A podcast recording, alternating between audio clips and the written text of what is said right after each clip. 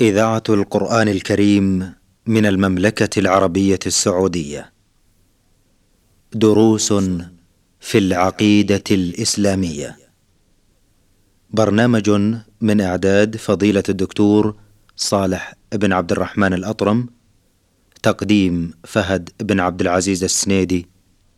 تنفيذ خالد بن محمد الزيد.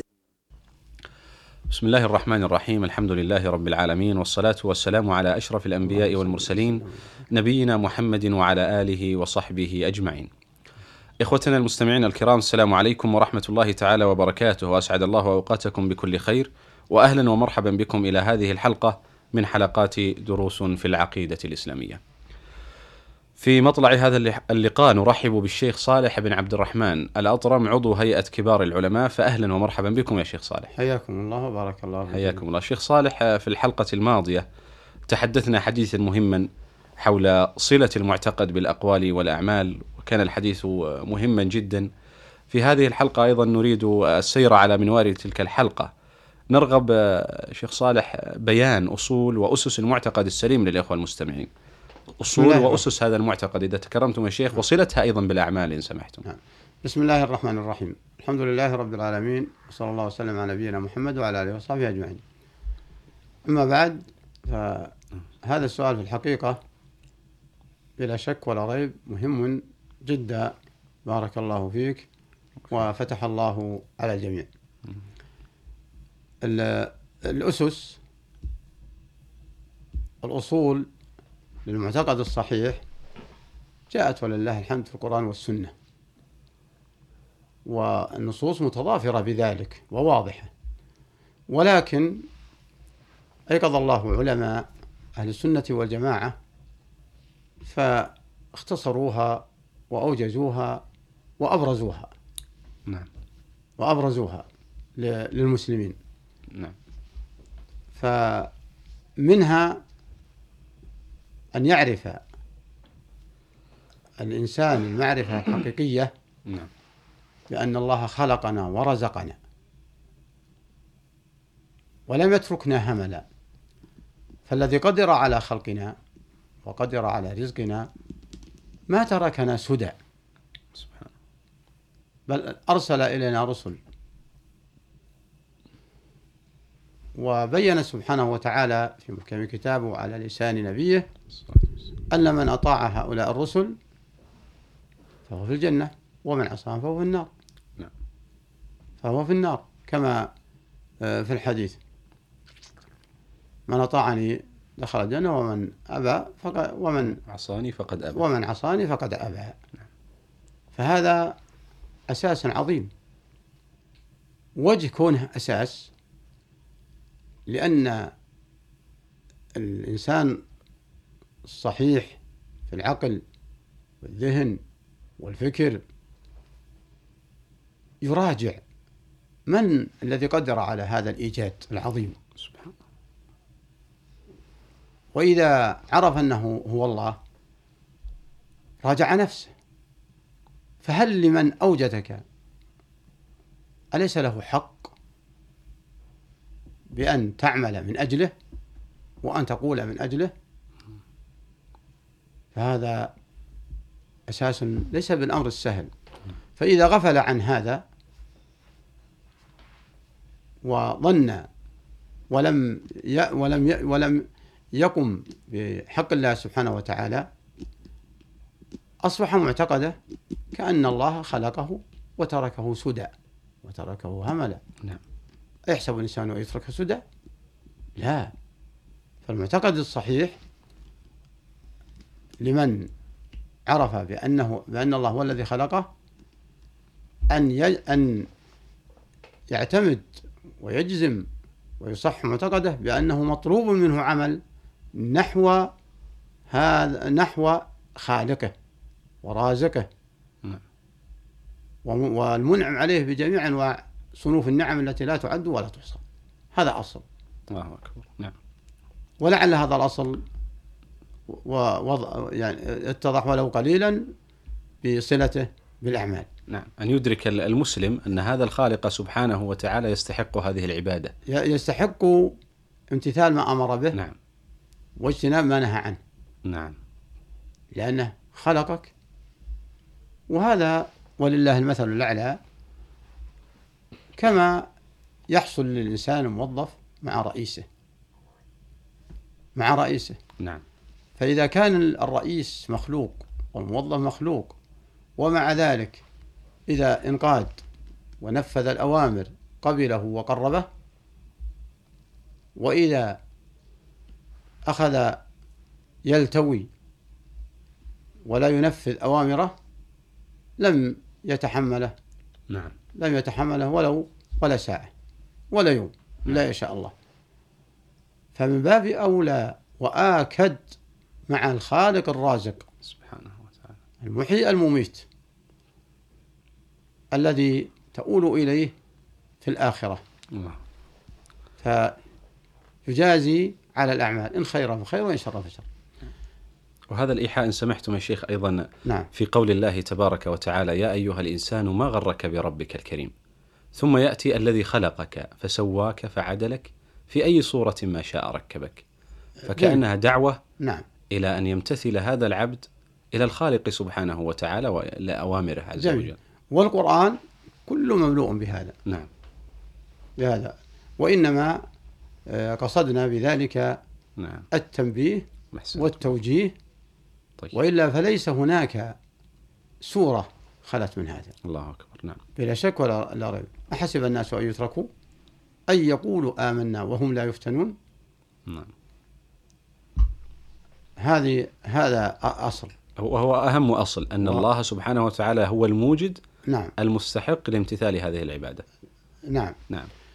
أصل. الأصل الثاني نعم.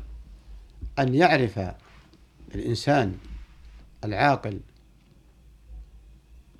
بحق بتأكيد حق ربه عليه وأن حق ربه عليه أنه لا يرضى أن يشرك معه في عبادته أحدا. نعم. هذا أكبر حق من حقوق الله على الإنسان. إذا بلغ عاقلا عاقلا أما لو بلغ مجنون كالبهيمة أو فاقد العقل متخلف هذا لا لوم عليه. فإذا بلغ عاقلا فاهما تكاملت حواسه وتكامل قوا- قواه فلا بد أن يعرف بأن الله لا يرضى أن يشرك معه في عبادته أحدا. بمعنى أن الله فرض علي علينا على الإنسان عبادات نعم. وطاعات فلا يصح أن يصرفها لغيره. نعم. ولا ولا يصح أن يتركها. أن يتركها ويتخلى عنها. فهذا أصل. فإذا جهل الإنسان هذا الأصل بمعنى تغافل وتناسى. ها أن تناسى أن الله لا يرضى أن يشرك معه أحد. نعم. فظن أن طاعة الله أنها على حد سواء. يأتي بها أو لا يأتي بها إن إن اشتهى أتى بها فصلى وزكى و وأطاع والديه وترك الغش والخيانة وإن لم وإن غلبت نفسه الأمارة بالسوء عليه وشيطانه فتجاهل ذلك كله فعصى ربه وظهر منه واتضح على أفعاله وأعماله نعم. كأن بأن الله كأنه رضي عن عمله. فالاعتقاد الصحيح أن يعرف المسلم أن الله لا يرضى أن يشرك معه في عبادته أحدا كما كما جاء في القرآن. ولا يشرك بعبادته أحدا. وهذا نكرة في سياق النفي. لها صيغة تكس... العموم. يكسبها العموم. نعم. أحدا. بمعنى لا ملك مقرب ولا نبي مرسل كما كانت الجاهلية تتخذ ذلك. الكفار الذين بعثت لهم الأنبياء لم ينكرون وجود الله وإنما أنكروا الانقياد لله. فمن ادعى أنه من أمة محمد وأنه مسلم وهو لم ينقاد لأوامر الله كان شبيها بهؤلاء الذين أرسلت لهم الرسل ودعوهم إلى عبادة الله. هم لم ينكروا وجود الله. عارفين, عارفين أن الله خلقهم وأوجدهم. لكن تجاهلوا أنه لا يرضى بأنهم لا يشركون معه أحد. نعم. إن الله لا يرضى أن يشرك معه هذا أصل وأساس نعم. لجميع الأعمال والأقوال. الله أكبر. بمعنى أن عن له وطاب له قول غير مرضي فإنه لا يعمل لا يأخذ به. نعم. وإن أخذ به ولم يبالي فهو تجاهل منه. وهكذا العمل. وهكذا العمل. آه، إذا واضح هذا الأساس؟ نعم وأساس مهم جدا. واضح ربطه بالأقوال نعم. والأعمال. الأصل الثالث أنه إذا عرف أن الله خلقه وعرف أنه لا يرضى يشرك معه في عبادة أحد فوجبت عليه طاعة الله. وتوحيده. وتوحيده. نعم. فهذا أصل أصل صحيح. فإذا اعتقد بأن لا تجب طاعة الله وإنما إن جاء بهذه العبادة وهذه الطاعة فهو أمر سلوكي وخلقي كما عبر به بعض من لا يعرف الحقيقة. هذا لا ينفعه. فلا بد أن يعتقد بأن طاعة الله واجبة وطاعة رسوله. أن من أطاع الله من وأطاع الرسول ووحد الله لا تجوز له. لا يجوز له العدول إلى موالاة شياطين الجن أو شياطين الإنس. نعم. ولا يجوز له العدول إلى إشباع رغبته وهواه. ولا يجوز له العدول إلى موالاة من حاد الله ورسوله. حتى ولو كان أقرب قريب ولو كان أبوه ولو كان أباه أو أمه. ولكن إذا أراد أبوه أو أمه أن يصدوه عن عبادة الله وعن حقوق الله فليقم بصلتهم في هذه الدنيا ولا يتركوا حقوق الله كما أرادوا. فما أعظم هذه الشريعة الله أكبر. وما أعظم هذا المعتقد. فلهذا الشكر للوالدين جاء عام. نشكر لي ولوالديك. وجاء في الآية الأخرى التخصيص. وإن جاهداك لتشرك بي ما ليس لك به علم نعم. فلا تطعهما. آه. فما أوضح هذه الآية لربط المعتقد في, في الأقوال والأفعال. فعلا أو تركا. فلا تطعهما. وهل معنى إذا لم يطعهما؟ في أوامرهما في معصية الله. آه، أن ينبذهما في الدنيا وأن يرفع الصوت عليهما. لا الجهة الأخرى الآية الأخرى تبين وتؤدب في معصية الله احذر من طاعتهم. في معاملتهم الدنيوية لا بأس ولو كانوا نعم. كفار. وإن جاهدك لتشرك بما ليس لك به علم فلا تطعهما وصاحبهما في الدنيا معروفا. آه. فمن عمل هذا العمل فإنه ربط عقيدته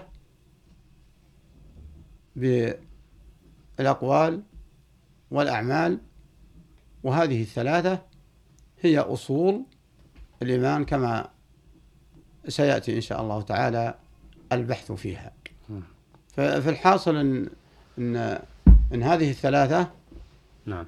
أسس وأصول المعتقد التي تربط الأقوال والأعمال بالاعتقاد الصحيح نعم. ومن ثم إذا صح المعتقد وما بني عليها من قول وعمل وجد المسلم الطمأنينة والثواب في الدنيا والآخرة الذين آمنوا وتطمئن قلوبهم بذكر الله ألا بذكر الله تطمئن القلوب نعم. الذين آمنوا وعملوا الصالحات طوبى لهم وحسن مآب حسن مآب. نعم نعم.